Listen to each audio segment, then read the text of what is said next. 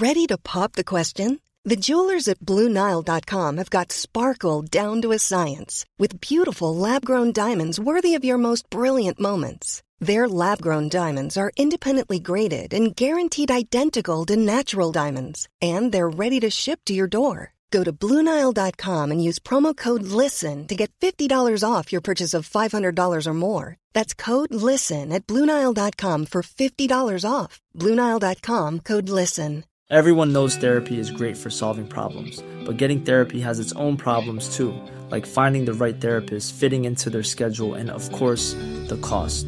Well, BetterHelp can solve those problems. It's totally online and built around your schedule. It's surprisingly affordable too.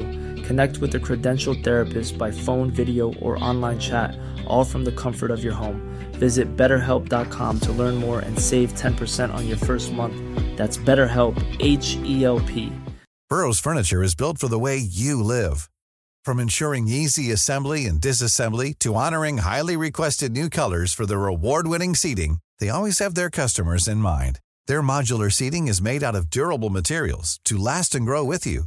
And with Burrow, you always get fast, free shipping. Get up to 60% off during Burrow's Memorial Day sale at burrow.com slash ACAST. That's burrow.com slash ACAST. burrow.com slash ACAST. Efter en lång väntan, er favoritpodd är äntligen tillbaka. Ny miljö, uppdaterad, förbättrad. Den dynamiska duon Dante och Tim är redo.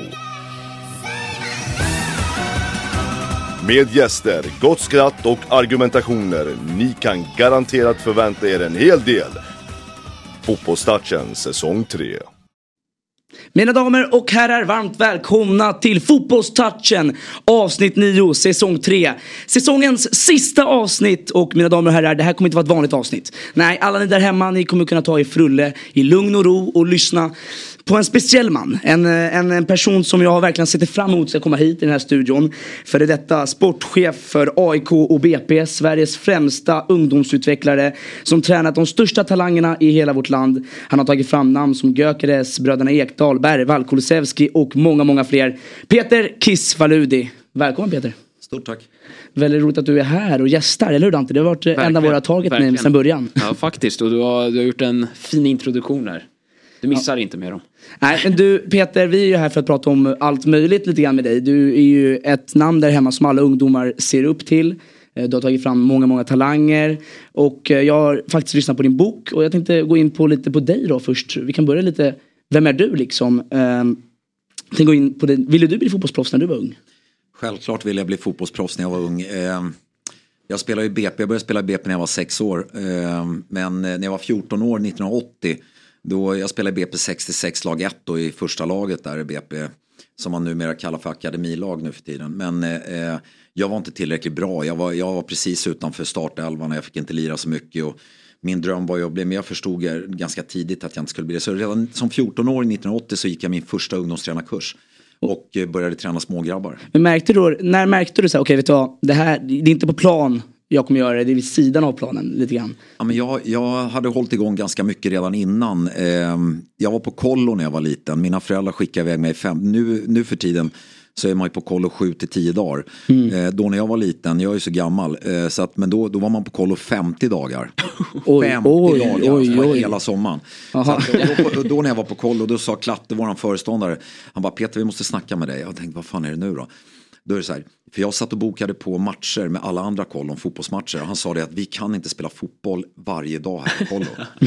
Så att eh, det var redan, jag började tidigt liksom och samla ihop och kallade alla, hela laget med laguppställningar. Satte upp vilka som var kallade till, till dagens match på kollo. Och, och det. Jag var 11-12 år. Ja, man- så att det var- 11-12 år och redan tränare. Jag började, jag började tidigt. Man kunde spåna upp att det skulle bli som det blev. Ja faktiskt. Men du, hade du ett sådär, alltså vad var det som gjorde att du fick passion för fotbollen från grund och botten? Alltså jag har ju så här personligen, varför jag gillade fotboll, det var Fernando Torres när jag var liten. Jag såg han göra det där målet mot Tyskland, EM 2008. Det var så här barnminnen liksom och bara, där fattade jag, det här är en sport jag älskar. Har du någon så här, ah, det där, det är därför jag gillar fotboll? Det målet du pratar om, det är ett klassiskt mål tycker jag när man pratar om spelförståelse. Mm. Både Xavi och Iniesta är, med, är, är, är inblandade i det målet och jag vet precis hur det ser ut och allting i och det brukar man ha som instruktionsfilm som jag brukar ha till Mm. mina lag som jag tränade. Man ser hur de vrider på huvudet långt innan, långt innan, långt innan de får passningen och sen så de tittar inte ens på Torres utan de bara slår bollen utan att titta för de har ju liksom redan liksom ha- haft koll på i så många dragningar på Mm. hur huvudet går. Så de ser det steget innan. Eh, nej men eh, för att svara på din fråga.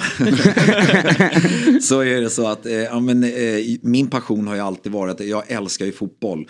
Eh, jag, är en sån här, jag kan ju stanna till när jag åker liksom när jag åker förbi Ängby IP ute i Bromma då kan jag bara stanna till bara för och så kan jag gå av bilen och bara stå av och njuta på liksom att det är små killar eller små tjejer som står och spelar fotboll där inne eller har en träning. Det är alltid intressant att se hur de tänker när de tränar, träningsupplägg och allting sånt där. Och, och rätt träning för rätt ålder det är ju en av mina stora grejer som jag trycker oerhört hårt på. Så att eh, jag är sån här fotbollsnörd, jag kan bara stanna och titta på ungdomsboll, jag älskar just ungdomsboll. Eh, däremot så är jag inte sån där som att jag måste se den här matchen i Champions League. Okej. Det är jag inte eh, på liksom tisdagskvällen, onsdagskvällen utan då kan jag prioritera andra saker. Däremot så tycker jag vissa saker, ungdomsboll ligger mig varmt om hjärtat. Jag förstår det. Och eh, jag tänkte just prata om ungdomsfotboll. Det är ju såklart eh, temat lite grann i, i den här, det här podcastavsnittet. Du säger i din bok eh, några meningar som jag tycker är väldigt intressanta. Du säger fult att tävla, fult att vinna nu för tiden, farligt att förlora. Tycker det var rätt starka ord ändå som beskriver kanske dagens fotboll i Sverige. Om vi liksom, är vi i Sverige rädda lite grann? Eh, Jag tror att vi är rädda. Jag har ju blivit lite, jag ska inte säga att jag har blivit slagpåse, men jag är den som vågar stå upp för, för att jag tycker att vi ska ha en bättre organiserad fotboll från åtta års ålder. Eh, och jag vill poängtera med att jag är jävligt noga med att alla ska få spela fotboll. Alla ska få spela fotboll. Alla är välkomna att spela fotboll. Det är absolut ingen utslagning det handlar om. Däremot så tycker jag att alla ska få spela på den nivån man är på. Ligger man väldigt långt framme då ska man få ha chans och, och vill man träna tre, fyra dagar i veckan fast man är åtta år, då ska man få göra det. Man ska inte behöva placera sig in i ett fack att ja, men vi ska inte storsatsa här, vi ska träna två dagar i veckan. Ja, det finns de som vill träna en till två dagar i veckan, men sen finns det ju barn som vill träna tre, fyra, fem dagar i veckan. Och då ska vi låta alla göra det. så alla ska spela fotboll på sina villkor, lite så. På sina villkor och på den nivån man hör hemma tycker jag. För att jag anser också att det är alltid mycket roligare att lyckas med sin fotboll. Det vill säga att är jag lite en sämre spelare då kanske inte jag ska spela med de allra bästa för att då kanske inte jag kommer få bollen så många gånger, jag kommer inte lyckas med mina saker. Det är roligare att gå ner ett eller två snäpp, få lyckas med en dribbling och en dragning och få göra mål och få känna den lyckan och, och, och få självförtroende och få börja bygga därifrån. Eh, De som har kommit lite längre, de ska få spela med de andra som har kommit lite längre. Det är det jag står för. Så alla ska kunna spela Ja, fotboll på sina villkor. Men det har ju blivit också lite så här, jag själv är faktiskt fotbollstränare i ett PT-lag här i Stockholm, bara SNIK heter det. Eh, och, och det är ju så här, det är ju lite politik i hela det där hur man ska hantera det, på vilket sätt, alltså föräldrar börjar klaga om en spelare får spela mer än andra. Eh, och, och det blir svårt där kan jag tänka mig att du har haft många föräldrar som har varit på dig eh, under många år. Hur brukar du handskas mot föräldrar som klagar liksom? Eh, som klagar, jag tror så här, jag tror på väldigt mycket eh, information till föräldrarna innan du kör igång. Eh, när jag har tar ett nytt lag i BP då samlar jag alltid alla spelare och alla föräldrar till ett möte. Spelare och föräldramöte. Och då, då, då har jag förberett en powerpoint och det börjar jag med att presentera mig själv och så trycker jag pang. Det här är jag. Ni kan alltid lita på att jag kommer alltid rätt förberedd till träning. Jag har planerat mitt träningspass. Bollarna är pumpade, västarna är tvättade. Jag har de här konerna där. Jag kommer vara där minst 25 till 30 minuter innan. Jag dukar upp och tar hand om killarna när de kommer till mig. Det jag förväntar mig av er föräldrar, det är följande. Och sen så drar jag deras punkter.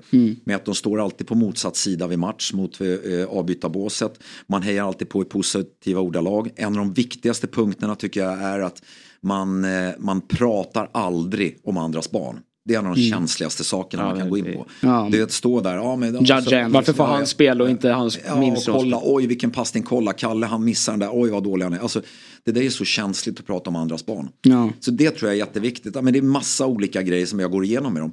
Och att de ska lita på den verksamheten jag har. jag tänkte- Mm. om, om det är så att de inte litar på mig, då är det bättre att de går till ett annat lag, brukar jag säga. Eh, och, och sen så drar jag dessutom med killarna när de sitter där, eller tjejerna, att eh, det här gäller för er, pang. Ni ska vara där i tid, ni ska vara rätt förberedda, det vill säga att ni har sovit ordentligt, att ni har ätit ordentlig frukost, om vi har morgonmatch eller vad det nu är. Mm. Eh, att ni har va- druckit vatten, att ni har rätt utrustning med er, att ni har liksom alla de Mm. Allt ska vara med. Allt ska vara på plats. Och allt ska vara med. Men vad, nu när jag bara lyssnar, du är så, du är liksom vår främsta talangutvecklare, liksom du har så mycket erfarenhet i nacken. Jag menar bara så här, vart kommer allt det här ifrån? Det kan inte bara vara ett kollo där du liksom la upp att du lärde dig allting så här snabbt. Jag har ju läst och hörde i din bok att det tog många år innan du fick träna ditt Ab- första akademilag. absolut. Hur gick vägen fram till att du tränade ett akademi, akademilag? Eh, men 1980 då fick jag ett eh, lag, jag var 14 år gammal då, jag är 56 år idag, jag fyller 57. Eh, och det är klart att med tiden så blir du erfaren och bättre såklart. Eh, men jag hade ett breddlag mellan eh, eh, 1980 till 84 och sen då 1984 till 88 så tog jag ett toppat andra lag i BP, 74 lag 2. Och sen då 1989, då var, det min, då var jag 23 år gammal, då var det min stora dröm, då fick jag ett första lag i BP och det var det jag hade jobbat ett extremt hårt för. Och då man går alla ungdomstränarkurser och sen så åker man på olika studiebesök och, och hit och dit, eh, utländska klubbar och eh, man tittar på andra tränare, vad som man har som sina idoler på ungdomssidan. Eh, Och lite sånt där som man lär sig hela tiden. Eh, Jag var nere på elitpojklägret eh, som numera heter rikslägret nere i Halmstad. Jag var där första gången 1986, jag var 20 år gammal. Eh, Då var det jag, jag och några, några föräldrar. Eh, Mm. 1989 åkte jag tillbaks med Tommy Söderström i Brommapojkarna. Okej. Eh, och jag och Tommy var där, då var det Åke Kallenberg där från Malmö FF och Peter Johansson från Örebro. Mm. Och Peter Samora från IFK Göteborg. Sen var det inte en enda scout, inte en enda agent, det var ingen, det var helt lugnt, det var knappt några föräldrar där. Mm. Så det var, allting har ju trissats upp något oerhört. I mitten på 90-talet där, 95, 96, 97, då började liksom larmet gå att fan nu ska, då var det lite trendigt, alla skulle åka ner till elitpojkläger vecka 27 i Halmstad. Men, men det var ju värsta grejen när vi var yngre också att det här elitpojklägret det var ju verkligen en stor grej som man skulle åka till. Det har ju blivit ännu större. Det är ju som de här stadslagsuttagningarna nästan. Men vad var det som, alltså, Men då fortsatte i alla fall. Eh, jag hade, då tog jag 77-1 och jag hade dem i fyra år. Eh, tog, sen tog jag 79-1, hade dem i två år. Sen tog jag 81-1, de hade jag i tre år. Samtidigt som jag hade 81 så blev jag sportchef i Café Opera. Som, som jag var med och bildade då i början på 90-talet. Och vi började i division 8 då 1992. Där var jag med som spelare först. Sen blev jag sportchef då 94. Eh, och då var jag både sportchef där eh, för A-laget, för vi hade ju bara ett lag. Eh, och sen så var jag tränare för BP's akademilag. Och vi gick, det gick ju väldigt bra för, för Café Opera. Vi gick ju en, hela vägen upp till Superettan. wow. Eh, och var tre år i Superettan. Första året då 2000 så kom vi femma, andra året sexa och tredje året femma. Och sen värvades jag över till AIK då som Ja, så blev sportchef. där. Eh, det var tufft i AIK. Mm. Eh, vi låg eh, eh, 18 miljoner back när jag kom dit. Så det Ja. var en tuff resa. Tuff resa. L- Men jag kommer- vi kommer komma in på det här med AIK-tiden också, och sportchefrollen.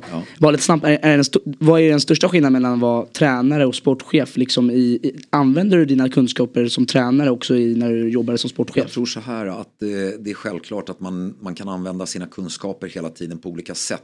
Eh, det jag säger på, det, det, du ser, som sportchef, om du har jobbat som tränare och varit där så ser man också utifrån annorlunda in i spelargruppen tycker jag. Eh, men Jag ser ju liksom att ja, men fan, tränarna kanske borde ta upp den här spelaren och, och prata med honom nu. Och, alltså man ser det på ett annorlunda sätt tror jag. Som är jäkligt nyttigt också. Sen är det ju klart att det, då, man vet hur det funkar i omklädningsrummet runt om och allting. Det, du måste ha den i, i erfarenheten också. Jag tror att det är viktigt. Mm. Nej men eh, intressant eh, Peter. Jag vill bara säga till er där hemma, ni som eh, är här och lyssnar. Det är väldigt roligt att ni är här på förmiddagen och lyssnar på Fotbollstouchen avsnitt 9. Och glöm inte också att följa Sporttouchen lite överallt på TikTok, på YouTube och lyssna på Spotify. Tack för den grymma supporten. Det här är säsongens sista avsnitt. Eh, Det har gått väldigt, väldigt bra. Eh, Men du Peter, jag tänker gå in lite mer på fotbollsmässigt då. då. Eh, Hur utvecklar man en spelare? I vilka, vilka faser? Du beskriver det väldigt bra i din bok. Men om vi kan ta det lite här då. I vilken ålder gör man vad? Jag tror så här att eh, eh, man pratar om eh, the golden age, den gyllene åldern. Och, och det är ju 8 till 12, 8 till 13 år beroende på var du ligger i, i utveckling, den fysiska utvecklingen. Men de åren, de går inte att få tillbaks. Eh, eh, det är ju gyllene åldern för teknikinlärning. Vid 12-13 års ålder börjar du komma in i förpubertet och det innebär också att när du kommer in i förpubertet då blir du också stelare i kroppen. För kroppen växer som mest då muskelmässigt och på längden. Och det innebär också att när du är stelare i kroppen då blir också inlärningsfasen för teknikinlärning mycket större. Eh, då pratar vi liksom om allt från eh, passningsteknik till dribblingsteknik till vändningsteknik, Mm. alltså eh, skottteknik, allting. Och jag tror ju väldigt mycket på att det man lär sig under de åren, det har du med dig resten av karriären. Okej. Eh, Så jag tror på extremt mycket på, på, på jobba med teknisk inlärning 8 till 12, 8 till 13 år. Eh, Sen fortsätter man jobba med det såklart sen också. Men just då ska man fokusera på, på det och den taktiska biten, det vill säga spelförståelsen. För jag tror att spelförståelsen är viktigare och viktigare. Har du inte spelförståelse men du är väldigt teknisk och kan stå och jonglera till 3000, det kommer inte hjälpa dig på plan. Okej. Utan man, jag pratar liksom om, om, om, ofta om att spelar ingen roll hur snabb du är om du inte vet när du ska springa. Nej, det, spelar ingen, det spelar ingen roll hur, hur tekniskt du är om du inte vet när du ska passa bollen. Du måste kunna värdera hela tiden och, och se vad, när du ska löpa in eller när du ska passa bollen, när du ska hålla i och lugna ner och, eller när du ska sätta den i djupet eller spela tillbaka och börja om. Så att jag tror spelförståelsen är otroligt viktig men just under de åren, 8 till 12 år, Mm. så tycker jag att man ska vara extremt noga med teknikinlärning. Hur pratar man med en ungdom i den åldern då? För det känns ju lite som man inte ska snacka eh, på samma sätt som en, en, ett barn som är äldre då. då. Det, man kanske ska vara enklare i det sättet man förklarar saker och ting. jag, jag tror ju att det, det enkla är det geniala. När, när, när killarna och tjejerna är åtta år då behöver du inte ha eh, jätteavancerade teknikövningar utan det kommer vara när man ser att det börjar, de börjar lära sig, de börjar sitta liksom tekniskt sett. Men jag tror ju mycket på, på, på i, i början så, så tycker jag att eh, en spelare en boll där du jobbar mycket med, med, med bollbehandling. Eh, så att eh, muskelminnet i fötterna får jobba med det. Eh, jag tror att, och det är här jag tycker att vi ligger efter. I, i, alltså med, med all respekt mot, mot, mot uh, våran verksamhet vi har ute i Sverige men vi ligger långt, långt efter ute i Europa. De tränar extremt mycket. Deras åttaåringar i Belgien, i Holland, i Spanien, Italien, liksom you name it, Kroatien, de jobbar, eh, Portugal. alltså de tränar land, väldigt mycket med sina 8, 9, 10, 11, 12-åringar. Vi är lite rädda för att träna. Eh, och ska man bli bra i fotboll då måste du träna fotboll. Men du kan ha en allsidig träning när du tränar fotboll. Ja. Om man, nu, nu är det ett tag sedan, men jag la ut ett rätt intressant inlägg på mitt Instagram eh, där eh, jag tränat 10 lag 1 och i, innan på uppvärmningen så skulle vi göra massa liksom, eh, kullerbyttor, du ska hjula, du ska slå kulle, alltså, de, de, och de var ju som akrobater de här killarna. Och jag tror ju att det är jättenyttigt, jag vet Charlie Nildén i 061, han grät när han kom hem, eh, berättade hans mamma och pappa, för att jag hade sagt att eh, vi ska jobba med, då var de 10 år gamla, men, vi ska jobba med, med kullerbyttor och han kunde inte göra kullerbytta, han var rädd för det. Jag, jag är gammal gympalärare också så att jag fick ju jobba med det. Men den roliga där det var att då sa jag det, men då gör du kullerbyttan i, i sängen. Så där det är mjukt. Så han hade, han hade lite hemläxa så han fick stå varje kväll och göra tre kullerbyttor framåt, tre kullerbytter bakåt och på morgonen när han vaknade. Så att, Det lärde han sig till slut. Ja, kom han till tillbaka slut, till, slut, riktig... till slut lärde han sig det och han kan det fantastiskt bra idag. men men, men eh, det är inte meningen att barnen ska gå hem och gråta. Men det, jag tror att den motoriska inlärningen också eh, är ju jättebra om man jobbar med hela tiden. Ja. Så man inte glömmer det och lägg in lite roliga övningar och lekar i det här när de är små. Så att jag, jag tror att, men mycket boll när du tränar och inga köer. Låt dem liksom ha 700-800 touch på bollen första kvarten, 20 minuterna. Ja, det är väl nästan det värsta när man kommer där och det är övningar och ska du stå i led i fem, sex gubbar före dig och sen ska du göra en och sen ska du stå och vänta igen. Men sen också just det här med, för jag såg någonting nyligen med det här om att Sverige inte har lika mycket heltidscoacher. Med liksom folk som faktiskt är heltidsbetalade av klubbar. Hur vi ligger liksom jättelångt efter andra europeiska lag eller europeiska länder med antalet klubbar som har liksom coacher som bara just är där för att träna fotbollen. Ja, det håller jag med om. Men vi kan gå tillbaka till, nu är Djurgården fotboll, eh, men vi kan gå tillbaka till, till BP. BP har ju ganska små resurser om man tittar. Ja. De har ju 4 000 spelare, 3 000 killar, 1 000 tjejer, så de har ju ett enormt urval av det. Men de har ju ganska små resurser om man jämför mot mycket av storklubbarna runt om i Sverige. Men ändå så gör de något som är väldigt, väldigt bra. Och de har gjort det över lång, lång tid. Eh, de vet hur man bygger en spelare. Och det här tror jag är väldigt viktigt. Eh, och det är ingen tillfällighet. Men de har också en akademi från åtta års ålder. Mm. Det handlar fortfarande inte om utslagning utan det handlar om att vi ska, de som har kommit lite längre som är beredda att träna tre, fyra dagar i veckan när de är åtta, nio år. De vi, måste vi också kunna ge morötter. Om och, och, rätt, och, liksom. och stimulera dem och ge dem en positiv energi. Alla ska kunna spela. Eh, jag vet ju, jag har ju två barn själv, nu är de gamla. Mm. Eh, Jag har en 20-åring, en 25-åring och han som är 25, Viktor han spelar ju 98-1. Han var ju med liksom. Och, de, de ville ju träna jämt, de ville träna jämt. Det, och ska inte jag tillgodose hans behov då? Ska inte jag hjälpa honom med det? Ska jag hålla tillbaks honom för att jag har några som inte vill träna så ofta? Och det, det här är en det är nästan Balansgång lite grann. Nej, Det är en stor balansgång. Men när man tar den här diskussionen i svensk fotboll. Då är väldigt många PK, du vet, så säga, eh, eh, liksom, Ja. de, de, de talar om, nej det här är inte bra för barnen. Det här, vad är det som inte är bra för barnen att de får röra på sig? Eh, vad, ska de istället sitta inne och hålla på med dataspel? Eller hur, eh, liksom, ska vi inte stimulera dem till att vara ute och, och göra det de älskar? Så att jag, jag är ju någon som står på barrikaderna och slåss för svensk ungdomsfotboll. För jag vill att vi ska träna mera och jag vill att vi ska träna rätt. Tycker och, och, super. och den stora grejen här tycker jag det är att eh, förbundet måste gå in och göra en kraftansträngning här tror jag. Mm. Jag tror att eh, eh, ska vi få fram spelare nu, nu är det rätt intressant för att nu står ju våra journalister och skriver att "Åh, vi, vi har inte tillräckligt bra spelare. Vi har inte, men Ja. det här är ju något, de som har följt debatten de senaste tio åren vet om att vi har stått och talar om att vi måste Förändra den vi delen. måste förändra våran träning. Vi måste ha bättre välutbildade föräldratränare, bättre välutbildade ungdomstränare i våra ungdomslag. Eh, vi kan inte gå in på YouTube och se en ball övning och sen tycka att bara wow. Vi är utan, samma. Utan man måste veta syftet med, med övningen och du måste kunna gå in och instruera att här, håll i, titta här, hur, hur ställer du ner foten här? Ah, du får inte ställa ner den så, du måste ställa ner den här i en krojvändning för att du måste, och då, då, har, då har du förberett det på ett annat sätt och du måste ha mer kroppsspråk. Och det här glömmer ofta tränarna tycker jag. Utan de ser en ball övning och sen kör de igång den och så kör de den 4-5 minuter. Sen vänder de håll och kör åt andra hållet 4-5 minuter.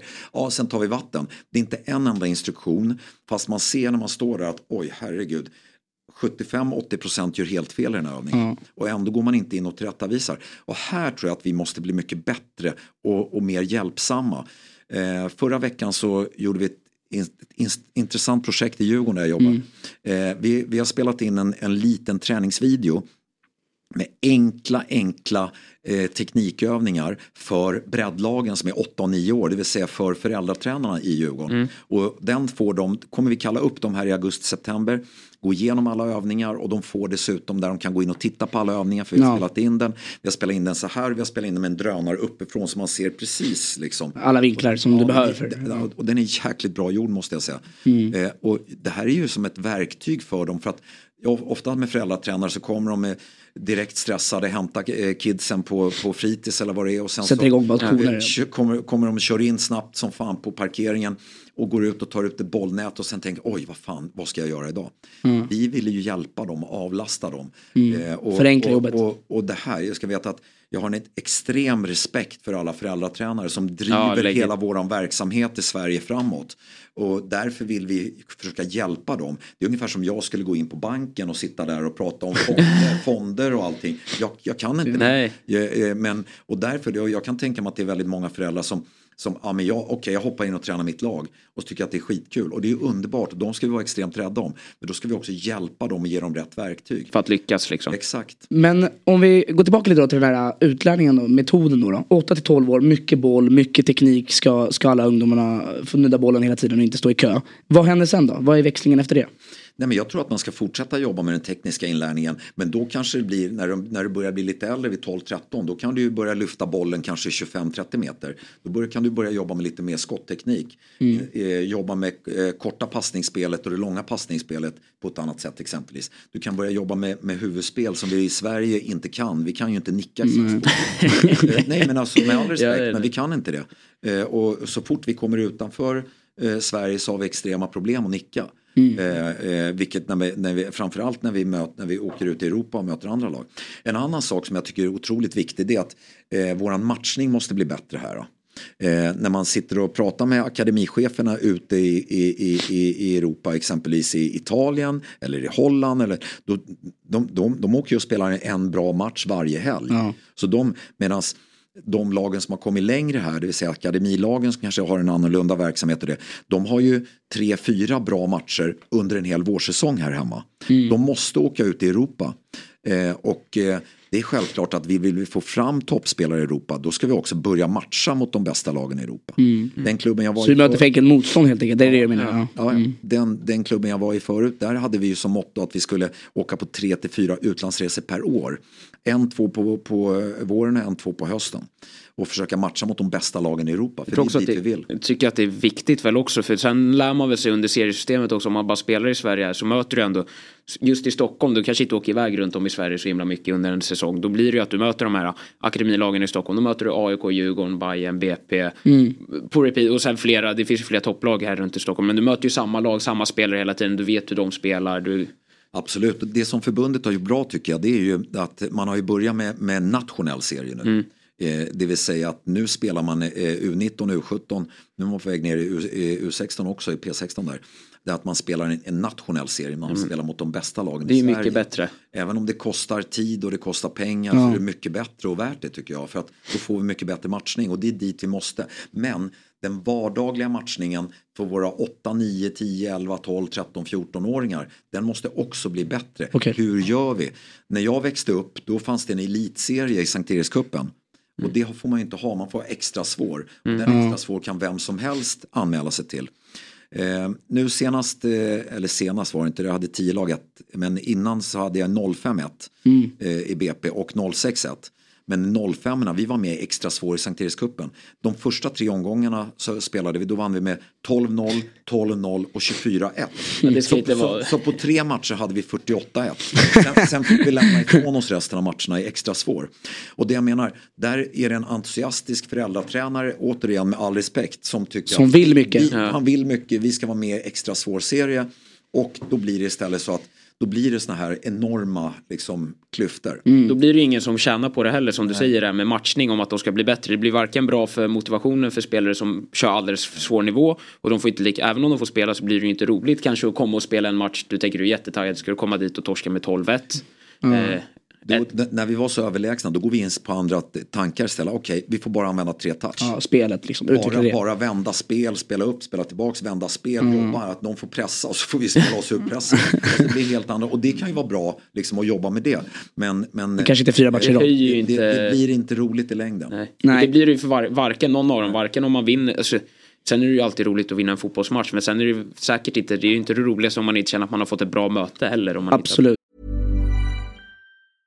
A lot can happen in the next three years. Like a chatbot may be your new best friend. But what won't change? Needing health insurance. United Healthcare Tri Term Medical Plans are available for these changing times. Underwritten by Golden Rule Insurance Company, they offer budget friendly, flexible coverage for people who are in between jobs or missed open enrollment. The plans last nearly three years in some states, with access to a nationwide network of doctors and hospitals. So, for whatever tomorrow brings, United Healthcare Tri Term Medical Plans may be for you. Learn more at uh1.com. I'm Sandra, and I'm just the professional your small business was looking for. But you didn't hire me because you didn't use LinkedIn jobs. LinkedIn has professionals you can't find anywhere else, including those who aren't actively looking for a new job but might be open to the perfect role, like me.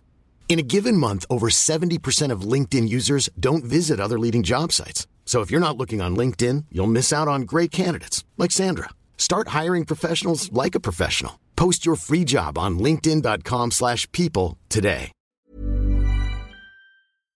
Ja, men du, eh, och du säger också ett starkt citat i din bok tycker jag, som jag vill ändå ta upp det. Redan som 12-13-åring eh, kan du peka på den spelaren som inte kommer kunna bli fotbollsproffs. Um, den är ju verkligen, det är ett starkt, du, du har det, Det, du ser det. det, det, det är ju väldigt starkt såklart men, men det är klart som 12-13-åring så, så, så ser jag ju klart och tydligt vem, och det tror jag, det är inte jag ensam om. Utan Har man ett tränat öga och hållit på med det så är det självklart du ser det. Eh, då kan jag peka ut direkt i en grupp, den där kommer inte bli det, den kommer inte bli det, den, där kommer inte, den där har, tror jag har chans på det. Och så.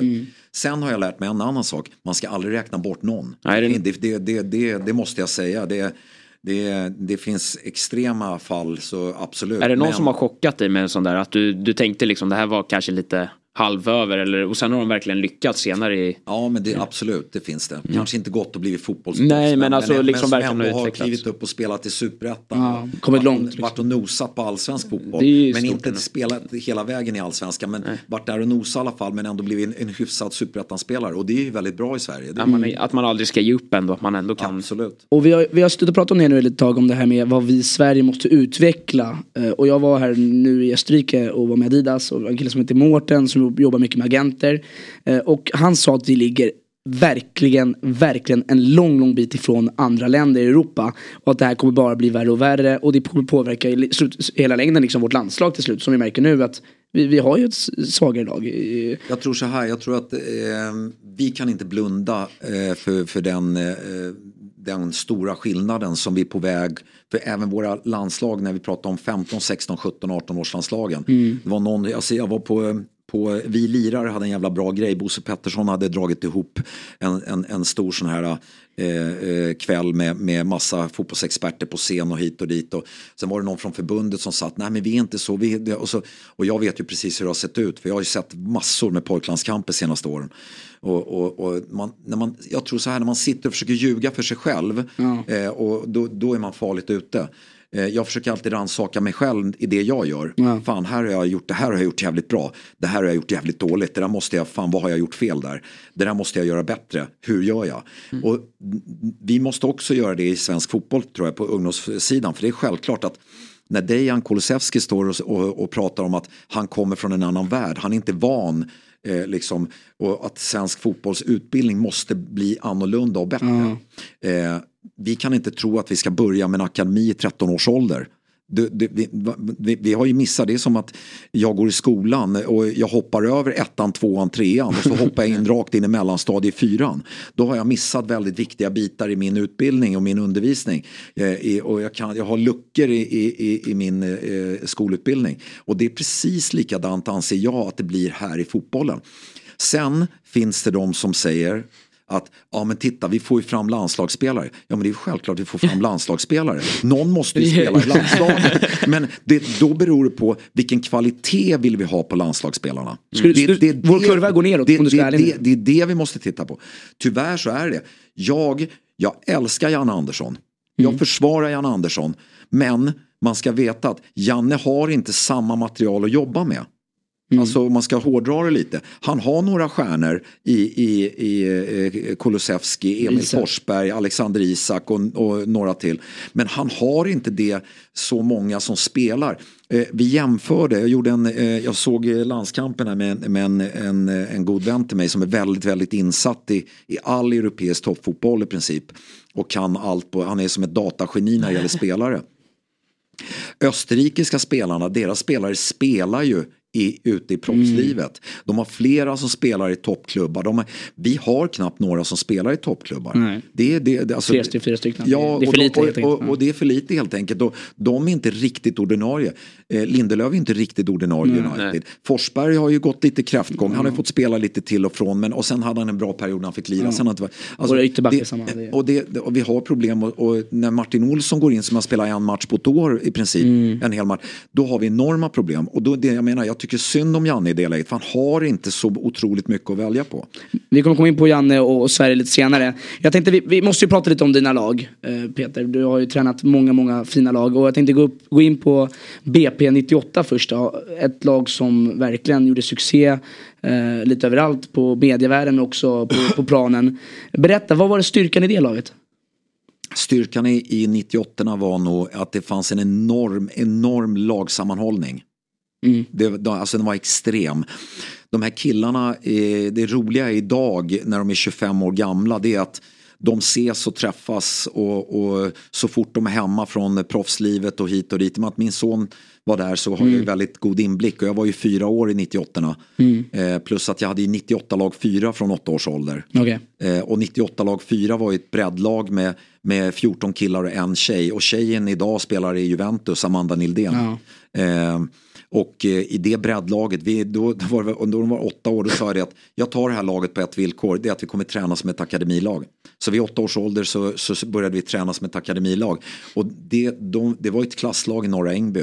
Och sen två år senare, när de var tio år, då mötte vi 98-1 Mm. och vinner mot dem i semifinalen i DIF-cupen.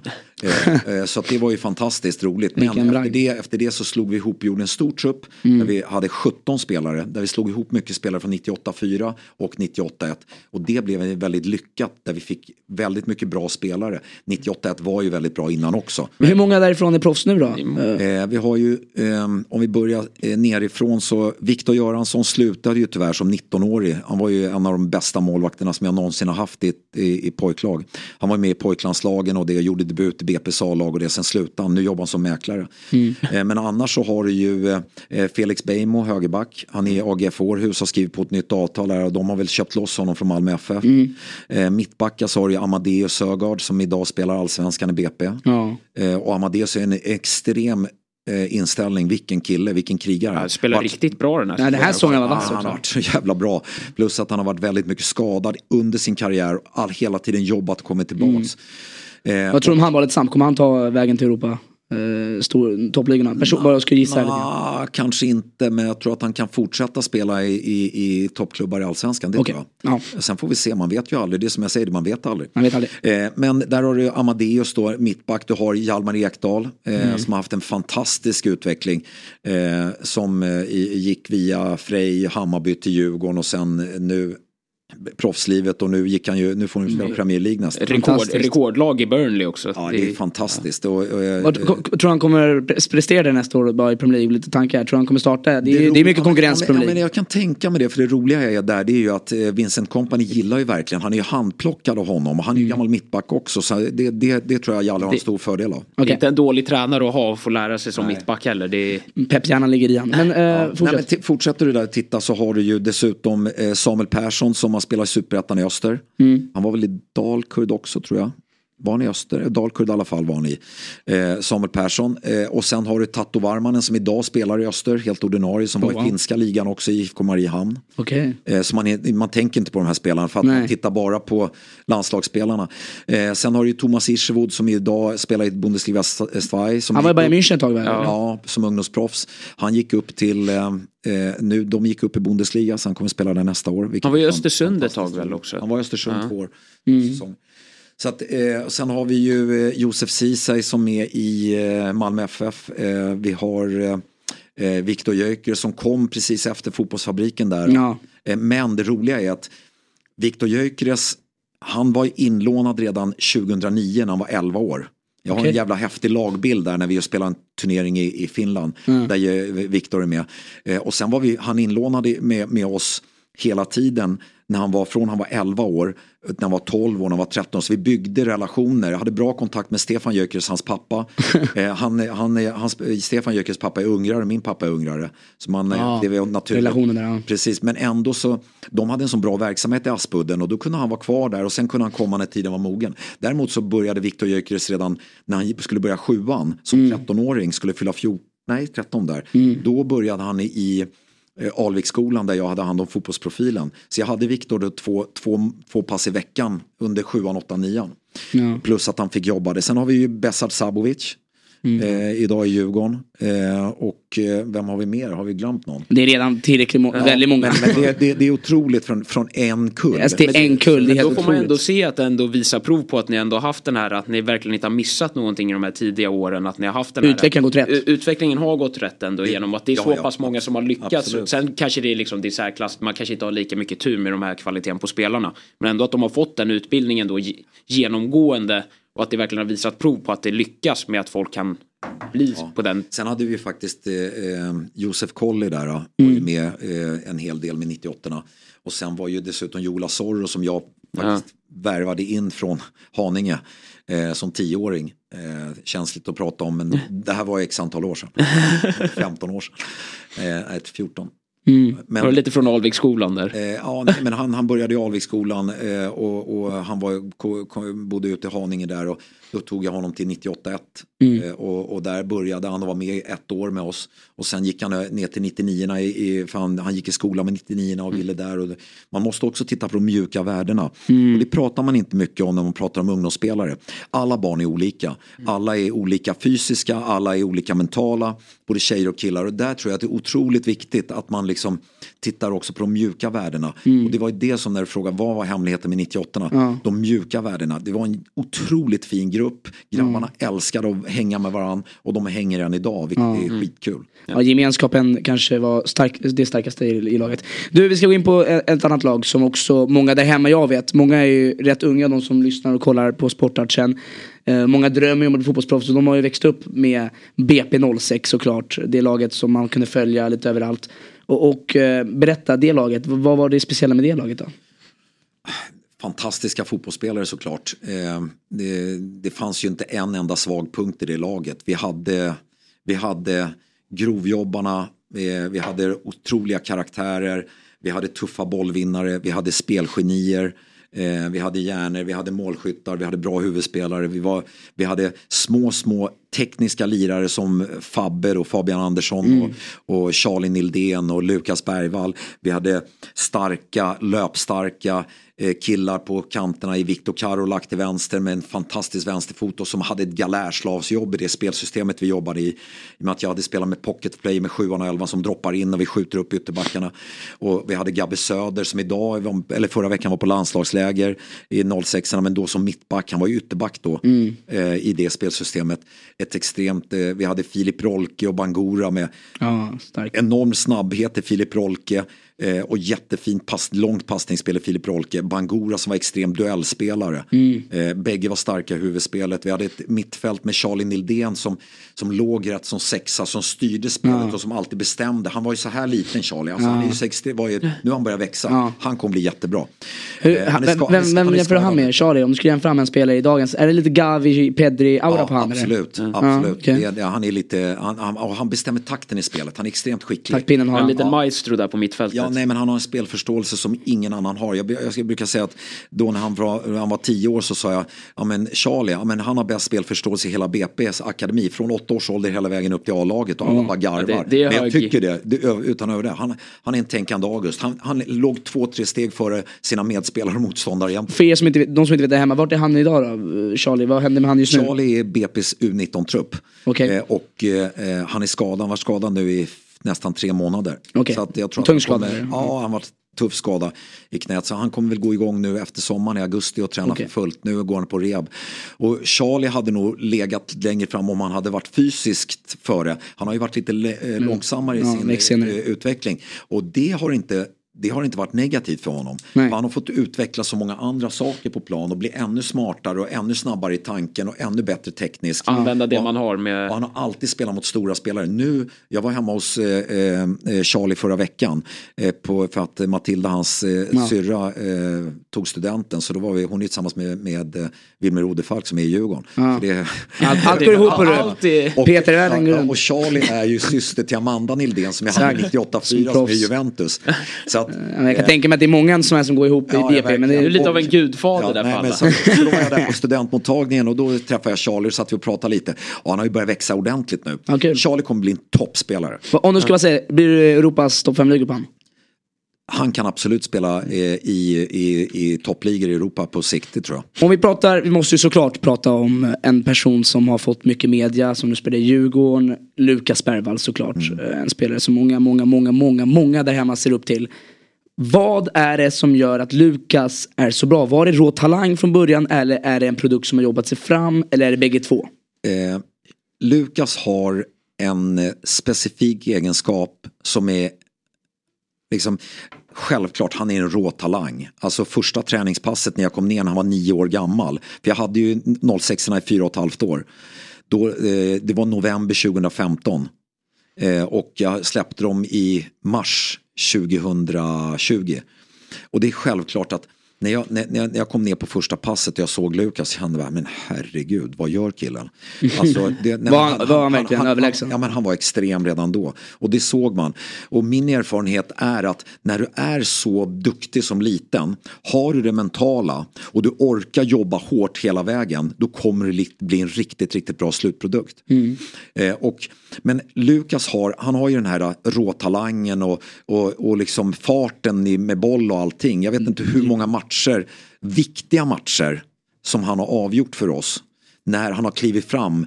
Eh, ja, men, eh, eh, ute i Europa, då är det han som kliver fram. Vi möter Atalanta som då var, vi, hade, vi, vi spelade eh, vi spelade, åtta, eller vi spelade eh, kvartsfinal mot Milan när vi var i Pescara.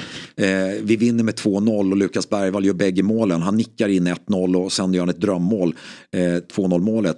Sen, och Milan hade en ganska jobbig coach. Han var väldigt arrogant, väldigt Ja. arrogant och tryckte Typiskt ner itali- italienare. Skulle, Nej, nej, men- skulle trycka ner mig lite. Men, men och efter matchen, ja, ni kommer inte ha en chans. Ni kommer spela mot Italiens bästa lag här nästa match. Det är, det, det är Atalanta och det är klart, det där gav mig bara morötter. Jag tänkte bara oj, oj, oj. Nu nu, nu vi. nu ska jag tända grabbarna ännu mer. Och då är det Lukas Bergvall show. Lukas gör eh, 1-0. Jag ska visa frisparken här sen. Eh, jag har den faktiskt i min Vi lägger upp den på TikTok också här. Så Ja, men den, var, den är fantastisk. Han skruvar förbi muren, alltså i fel hörn med, med högerfoten skruvar han förbi. Vilket är fantastiskt. Men Luka, vi vinner med 4-1 mot Atalanta och vi gör en av de bästa matcherna vi någonsin har gjort kanske. Eh, och, eh, men då, är, då gör Lukas tre mål i den matchen och han är extrem. Alltså Ah, han är är- extrem. Och det är då han blev jagad, började, Mino Raiolas hade någon scout där och kom fram med en Pogba-tröja. Eh, eh, då var Pogba i, var han i Milan då tror jag. Ja. Ja, ja, eller Juventus. Juventus, Juventus första tiden, ja. Ja. Men då var, ja, men, men, men Lukas har alla de här sakerna. Men Lukas har två saker som vi inte ska glömma. Mm. Han, har, han älskar att träna. Alltså, och när han kan träna och vidareutveckla hela sin talang med stenhårt arbete. När man ger honom morötter hela tiden. Och han har väldigt bra föräldrar som står med bägge fötterna på jorden. Och då får du också ett barn där Lukas är otroligt ödmjuk. Okej. Och det, det är också han. Han vet om att han måste liksom jobba hårt. Och, och vi har liksom, vi har aldrig gjort någon skillnad på Lukas i laget fast han kanske har varit den stora stjärnan. Men vi har aldrig särbehandlat honom på något sätt. Det är väl viktigt att man inte flyger han, iväg han är, tidigt. och, och liksom, eh, och ja, ja, däremot så, eh, Lukas, ja, Jag vill bara säga en sak som är intressant med Lukas. För han fick ju väldigt mycket, just den här serien som var ute på YouTube som skapade väldigt mycket visningar som var på 24 och, och det gjorde ju stort, stort väsen av sig. I det läget, när du är, utan att säga det, stjärnspelare i ett lag som går otroligt bra, vinner cup efter cup, stora turneringar ute i hela världen. Och eh, samtidigt är du så ung, får media på dig. Det kan ju enkelt bli att du får huvudet högt och börjar få lite storhetsvansinne. Hur gör du där i det läget? Har han, hur gjorde han för att inte liksom, okej jag måste fokusera på fotbollen, jag, måste, jag är inte där jag vill vara ännu. Var du en, en av de som sa till honom eller hade han det i sig? Den att, jag, jag är inte där. Jag tror att han hade det i sig. Men som sagt, han har en väldigt bra, väldigt trygg familj. Och det, det tror jag liksom, hade du däremot haft en hetsig farsa eller morsa som hade hetsa och vela, då tror jag då hade det varit mycket jobbigare för honom. Men han, han, han står med bägge fötterna på jorden och det är väl lite så här, det året Lukas Bergvall hade 2019 var extremt.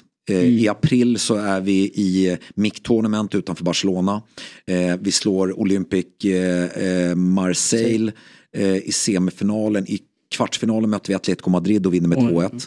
Eh, I finalen möter vi Nordsjälland som har slagit ut Liverpool och Olympic Lyon på sin halva. Ja. Men, och Nordsjälland var, men då, då, liksom, och då blir det Lukas, eh, då kommer han med i All Star Team. Eh, vi åker hem, spelar Gotia Cup, vinner Gotia Cup. Eh, Bäst spelaren i eh, och, och han blev eh, man of the match i finalen. Sen i, i, i den eh, 20 eller 22 augusti så åker vi till Kroatien. Eh, också samma år, då, 2019. Och det, där är hela Balkaneliten. Det är alltså extremt Media Mure Cup. Vi har Dynamo Zagreb, Röda Stjärnan, Hajduk Split eh, ifrån Kroatien. Vi har, eh, vi har eh, MTK Budapest som då var bästa laget i Ungern i 06 Vi hade Slavia Prag eh, som var bästa eh, eh, tjeckiska laget. Vi hade Eh, vi hade bästa på Massa stora. polska, ja, men hela Balkaneliten. Ja. Och i den turneringen, det är 16 lag där och vi vinner där. Vi, eh, också turneringen. Eh, vi, vi, vi, en av de tuffaste matcher jag faktiskt någonsin har varit med om i kvartsfinalen mot Dynamo Zagreb i deras lejonkula. Mm. Eh, vinner vi med 1-0. Och, eh, Vem är mål? Det, det är Jonathan eh, som gör mål okay. eh, på assist av Lukas. Där Lukas vänder ut och in på tre spelare och, och lyfter en lång boll så han serverar mellan oh, ytterback och mittback. Så kommer bollen och Jonathan skär in och gör rätta. Mm. Men då, då när vi kommer in, då samlar de alla tränare innan finalen. Och då säger de, vi ska utse matchens lirare, alla får lägga en röst. Mm. Då säger eh, Dynamo Zagrebs eh, eh, tränare då, före detta eh, VM-spelare. It can be only one, the number 10 in, in Sweden, the blonde Swede. Överlägsen. Nej, och, då, och då, då, då, är det 14, eller 15 stycken som röstar på honom och jag är den enda som inte röstar på honom för jag får inte göra det. Mm. Och han var ju överlägsen. Men den stora grejen är när vi en månad senare i september åker till Madrid Cup. Mm. Och där vi slår PSG i kvarten. Mm. Vi slår eh, ja, PSG i kvarten, Bayern München i semin, Atletico Madrid i finalen. Men Atletico Madrid hade i sin tur slagit ut Barcelona i semifinalen. Chelsea, oh, Juventus. Så att det var en, det i ja, kaliber, liksom. en otrolig turnering. Och där är ju faktiskt, där är ju Lukas, där är han i sitt esse. Han är ja. extremt, extremt bra. Han är så skicklig. Han växlade upp också match efter match. Och då är han 13 år gammal. 2019 och då ska vi veta att vid 13 års ålder möta de här lagen, de lig, väldigt många ligger fysiskt ja. före. När vi mötte PSG, ja. han Emery där som spelar idag, eller, som har spelat Champions League med det, han, är alltså han var ju, man ser på bilden där, jag såg en bild på Instagram där, ja. han är ju två huvuden högre och muskelmassa, men Lukas var extremt skicklig. Året efter däremot, 2020, då hade Lukas ett litet dipp. Ja. Då, men det, tänkte... då, då, då dippade han och ändå så liksom då, och jag släppte ju laget då när jag blev sportchef i BP i mars 2020. Ja. Och ändå så är han ju väldigt, väldigt stark och jobbar liksom på, jobbar på. Ja. Liksom att det, och sen så bara pang sa det året efter igen. Ja, så det... det gäller att liksom, en fotbollskarriär går inte bara rakt fram och det tror jag är viktigt också att påpeka. Eh, och sen får man ju trycka på rätt knappar. Som jag sa, alla människor är olika. Killar och tjejer är olika, fysiskt, de är olika mentalt och allting. Vissa kanske behöver lite mer kärlek, vissa kan du vara lite tuffare mot. Mm. Men vissa måste du liksom eh, pusha ännu mer och vissa klarar av det. Ja, och, vet, alltså, och visst, några klarar mindre all, av det. Alla klarar av det på olika sätt. Men eh, det, det är ju verkligen häftigt att se en som spelare kunna växla upp nu också när, när nu alla är vuxna runt om, han spelar allsvenskan och, och gör succé. Hur långt, bara så här lite snabbt då, hur långt tror du han tar sig ärligt talat? Ja. Blir det, blir det Premier League? Blir det, snackar vi topp 5-liga? Jag tror inte att man ska sätta den pressen Nej. på honom. För det gör liksom halva Sverige. Och sitter jag här och säger något då gör jag bara honom en stor otjänst. Eh, men det är självklart att... Kan han nå eliten att, i alla fall? Eh, jag tror att han eh, kommer kunna bli hur bra som helst.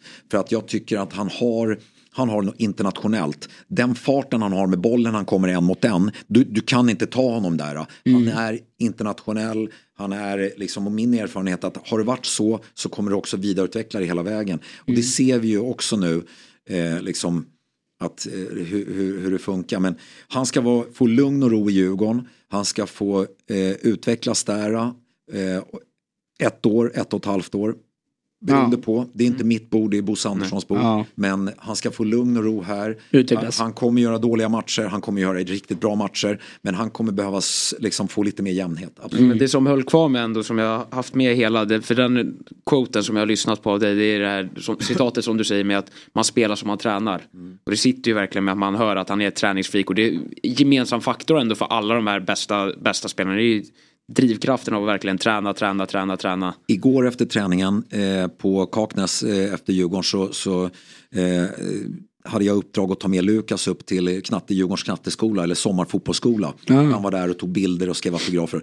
Den ödmjukheten och hur skön han är med grabbarna och börja jonglera och mm. skjuta frisparkar med. Det är underbart att se. Mm. Eh, men då, sen, sen, efter det så kör jag hem honom. Eh, då sitter vi i bilen och pratar och då säger jag det till honom. Det är otroligt viktigt att du spelar på din instinkt. Mm. Börja inte tänka för mycket. Spela på din instinkt, då är, det, då är du som bäst. Ah. Sen måste du självklart inackordera det i det taktiska ja. och vara med där. Men du, för det är då han är som bäst när han kan göra bara en vändning för att han har gjort det hela sitt liv. Man känner sig det sitter naturligt. Det är den feeling han hade mot, mot Häcken när han var fantastisk. Ja, var ju... Han spelar, det, det, allt bara sker naturligt. Och jag har sett det sedan han var liksom 9-10 år. Och det är klart att han kommer kunna spela så även när han blir vuxen. Därför ska inte han springa och tänka så jävla mycket. Nej. Han ska spela på instinkt och det tror jag är viktigt. Och bara liksom hitta glädjen i det han gör. Otroligt viktigt. Du, du har en ny roll nu. Eh, Du jobbar i Djurgården eh, som sportkoordinator. Berätta lite, vad är det som kommer på nästa, vad, vad händer här för dig då? Är det något fräscht nytt som kommer komma? Eh, ju- Sporttouchen exclusive här. Nej men jag har ju, jag har ju fått en drömroll. Eh, när jag träffade Djurgården förra, för, förra sommaren för ett år sedan. Då, då gav Bosse och Henke Bergen, vdn där och sportchefen gav mig ett vitt papper och sa det. Vad är du bäst på? Vad, vad, vad vill du göra?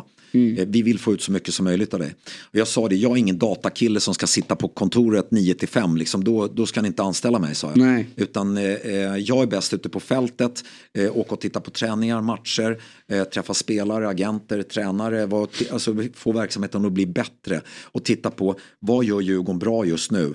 Vad gör man liksom mindre bra som man kan vidareutveckla? Jag vill hela tiden utveckla mig och klubben jag jobbar i så att vi kan ta steg hela tiden inom det vi gör. Så det är det jag gör. Har du någon liten eh, ny talang du har på ingång här som inte någon har sett ännu? Så här, Eh, liten jag- jag- gem. Eh, vi har faktiskt precis signat en, en ny, tycker jag, en stor talang. Eh, han är född 2008. Eh, han kommer från Karlslund. Eh, han heter Ahmed Saed. Han flyttar hit om vad är det för datum? Om åtta dagar. Första juli flyttar han till Stockholm med sin familj och eh, eh, kommer börja spela i Djurgården från första juli. Eh, och jag tycker eh, Han är- han är fantastisk. Vilken position är han? Han, eh, han är vänsterforward, högerforward. Vill, han, vill vi att han ska skära in då kommer han från höger och gå med sin fina vänsterdoja och knorrar in. Eller vill vi att han ska trampa runt och, och spela in bollen, då gör han det.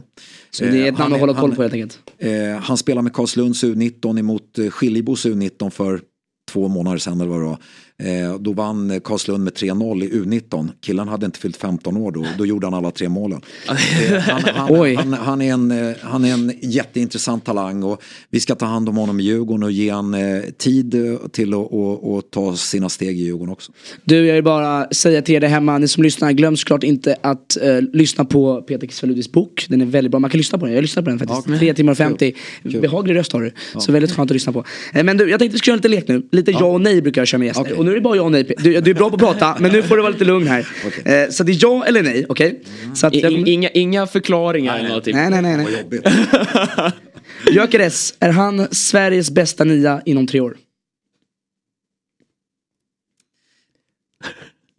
Ja. Ni ser, han börjar tveka redan nu. Ja, vi kommer- fick- Ja, vi Jag tänker på och Isak, jag formulerar. tänker på Isak. Nej, det är han alla men, tänker på. Men i ett 4-3-3 kan jag vill ju spela 4-3-3 där jag vill att Isak ska komma lite från kanten och Jöker som är tung. Jag vill ha Dejan och, och, och Isak på kanterna och Jöken i mitten. Det är en jävla tyngd, Ja, det- snabbhet, finurlighet. Alla är tre helt olika tycker Ja, jag. nej, men det är- Dejans jävla kvickhet att vända bort och kunna sticka in Men det är ett bollar. jävla anfall. Och, och, och, och liksom Jöken som är en jävla gammaldags centertank, ah, Gunnar Nordahl. Och sen har du Isak med sin snabbhet och rapphet och finur, alltså drömanfall. Ja, Vilket eh, ja och nej det väl blev. Det blev eh, Men det, fast den, fast den, den är bra ändå. Där anfallet jag håller är- med. Det är okej, du, kan- du får slänga in. Men nu är det bara ja och nej. Hörru. Ja. Saknar du BP? Eh, både och. Ja och nej. Eh, nej, faktiskt inte. Jag trivs extremt bra i Djurgården. Okej. Kommer Djurgården att ta sig till Europa i år? Eh, absolut. Är Lukas Bergvall kvar i DIF nästa år? Ja. Kommer han lämna DIF inom tre år? Ja. Borde Zlatan ha lagt av sin karriär tidigare? Ja. Är Kulusevski i sin peak, sin prime? Sin Nej. bästa version? Nej. Är han den största talangen du någonsin tränat?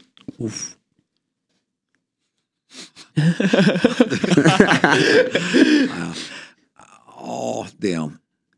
Så han är en större talang än Lukas Bergvall? Ja, men han har ju nått längre i nuläget så jag måste ju ta Dejan just nu för han har ju kommit längre. Annars sätter jag en jävla press på Lukas. Ja. Är, Så jag måste vara eh, liksom, Håller i. jag, jag vet att du gillar bilar. Är, är Porsche bättre än Ferrari? nej. Känner du dig yngre än vad du är Peter? Ja, John Mellberg, han tog just nyligen till RB Leipzig. Eh, Du känner ju till han väl tror jag. Kommer han slå igenom i Tyskland? jag ska visa. Jag har tränat John i tre år. Tre och ett halvt år till och med. Eh, ja, just det, förlåt. Men det är okej, kan, eh, berätta, jag vill höra här nu, så kör. Ja, men, eh, ja, han kommer slå igenom Tyskland. Jag kan säga, John, han, han, han har lite av Lukas förmåga när det handlar om den, här, den mentala och den här jävla goet och vilja träna och vilja träna och, och, och ha en ruggig vinnarskalle. Jag vet inte om jag har tränat någon någon unge någon gång som har större vinnarskalle än John Mellberg. Han är precis som sin farsa. Ja, det- jag, jag fick ju förmånen att jobba med Olof. Under, han var ju med i två, två år där. Eh, och jag lärde mig extremt mycket av Olof. Eh, och eh, John var ju med då i 05 fast han är 06 Sen lånade vi med John lite. Så här. Men alltså extremt, eh, eh, extrem vinnarskalle och en fantastisk vänsterfot. Han är redan nu 1,90. Bygger du på muskler på den, Ja. får en vänsterfotad topp mittback. Eh, vi hade faktiskt eh, chansen att ta eh, John också till Djurgården. Men sen när han får den här förfrågan från Salzburg, Red Bull Salzburg så är det självklart att han ska, ta den också. Och, ta den. och jag önskar han all lycka till och jag tror att han kommer absolut lyckas. För det är en jävla fin fotbollsspelare. När eh, man får höra så här lov av Peter Kisvelud, då vet man att man har gjort det bra. Eh, du, eh, tycker du att Janne Andersson borde få sparken? Ja nej nu? Tillbaka Nej. till den. Nej, okej. BP06, är de bättre än 98? One v one, de möter varandra. Vem vinner? det, här, det här måste förklara den här duellen. Men det här- det är må- Eh, Är 06 bättre? Ja eller nej? ja, ja. Okej, okej, de är bättre. Nej men du hörru. Jag, Fan vad skit jag kommer få grabbar. Nej, Ja, vet. kommer son, sonen kommer komma. förlåt, sporttouchen grillar. Det, det var inte meningen. Förlåt Peter. Nej men det är bra, men jag skulle vilja förklara lite. Ja. Men det, men, eh, Säg, du kan göra din jag, förklaring. jag, jag, jag tror så här. Eh, no- n- 98 kommer få fram flera spelare hela vägen. Jag Mm. tror 06 kommer inte kunna få det för att 98 var extrema. Alltså de var extrema. Däremot ska vi veta att 98 där vann vi internationella turneringar men vi vann bara en. Och där vi slog ut Milan i semin med 2-1 i en jävla match i Finland. Vi slog Hertha Berlin i finalen. Mm. Vi Zenit Sankt Petersburg i kvarten. Eh, och då var Gyökeres med inlånad kan jag säga. Eh. Men, men, eh, och då hade vi ett sjukt sjumannalag. Vi hade Viktor Göransson i mål, vi hade eh, Jalle, eh, vi hade Felix, vi hade Bessard. Eh, vi hade eh, Alberto Catenacci som ändå spelade som 17-18-åring spelade han 44 matcher i superettan som 17-18-åring. Sen bara la han skorna på hyllan, vilket är för jävligt. Han hade blivit jävla fin fotbollsspelare. Varför la han skorna på hyllan? Eh, nej, han, han ledsnade. Han sa Han jag kommer, jag kommer ändå aldrig nå Serie A, då kan jag lika bra hoppa in i familjen. ja, men han sa det. det Du förstår det liksom. Ja. ja. Nej, men eh, nej, det, det är svårt, men 98 eh, eller förlåt 06 var extremt bra när de var som bäst. Extremt bra. Och det var inte, 98 hade inte samma. Jag kan säga 98 vi var nere i, i eh, Caorle nere i Italien och skulle spela en superturnering. Vi, spelar, vi ska ställa upp mot Atalanta. Som Atalanta är ju då Italiens, Ja, tycker jag, är- bästa eh, akademi. De är extremt bra. Och när vi, möt, när vi ska möta Atalanta då har vi alltså ett lag med Viktor Göransson. Vi har ett lag med, med, med mittbackar med, med Josef Colley och eh, Hjalmar Ekdal. Vi hade en vänster, vän- vänsterback med Amadeus. Vi hade en högerback med Felix Beijmo. Vi hade ett innermittfält med, eh, med Besard Sabovic. Eh, var det Thomas Isherwood. Eh, vi hade, vi hade, eh, Det är bara klasspelare. vi hade Jola Zorro, vi hade Viktor Gyökeres, vi Oh. hade, nej men vi hade sånt Vad är det för jävla ungdomslag? Det här är knappt, det är ett A-lag. Josef Ceesay hade vi. Alltså vi hade sån extremt Ja, det är ett första- All-star-lag, Vi, vi alltså. torskade med 1-0 på en feldömd straff och Kishvalodi var tokig på linjen. Du, du, var inte glad, du var inte glad där. Det var Men vilket ta- det där måste ju vara rakt igenom en av de största Ja, det, det, det, det talanglagen var ett galet bra lag vi hade. Jag tänker så här bara, det jag kommer lära mig av det du har berättat, det är mycket där också, du pratar om framgång men också dippar, alla har det. Ehm, både i, jobbet, heltidsjobbet, eller som fotbollsspelare som Lukas kanske hade ett år där, där det var lite svårare. Av, avsluta min grej. Kör. Mm. Det viktigaste i fotbollen tycker jag, det är tre bitar som jag jobbar extremt hårt nu i, i Djurgården och som jag gjorde i min tränarkarriär när jag tränade ungdomar. Det var nummer ett i verksamheten, du måste ha roligt. Glädjen är nummer ett av allt. Du kan aldrig motivera spelare när de kommer ner till träning om man inte skapar en jävla värme och, och, och glädje i gruppen. Du måste ha roligt.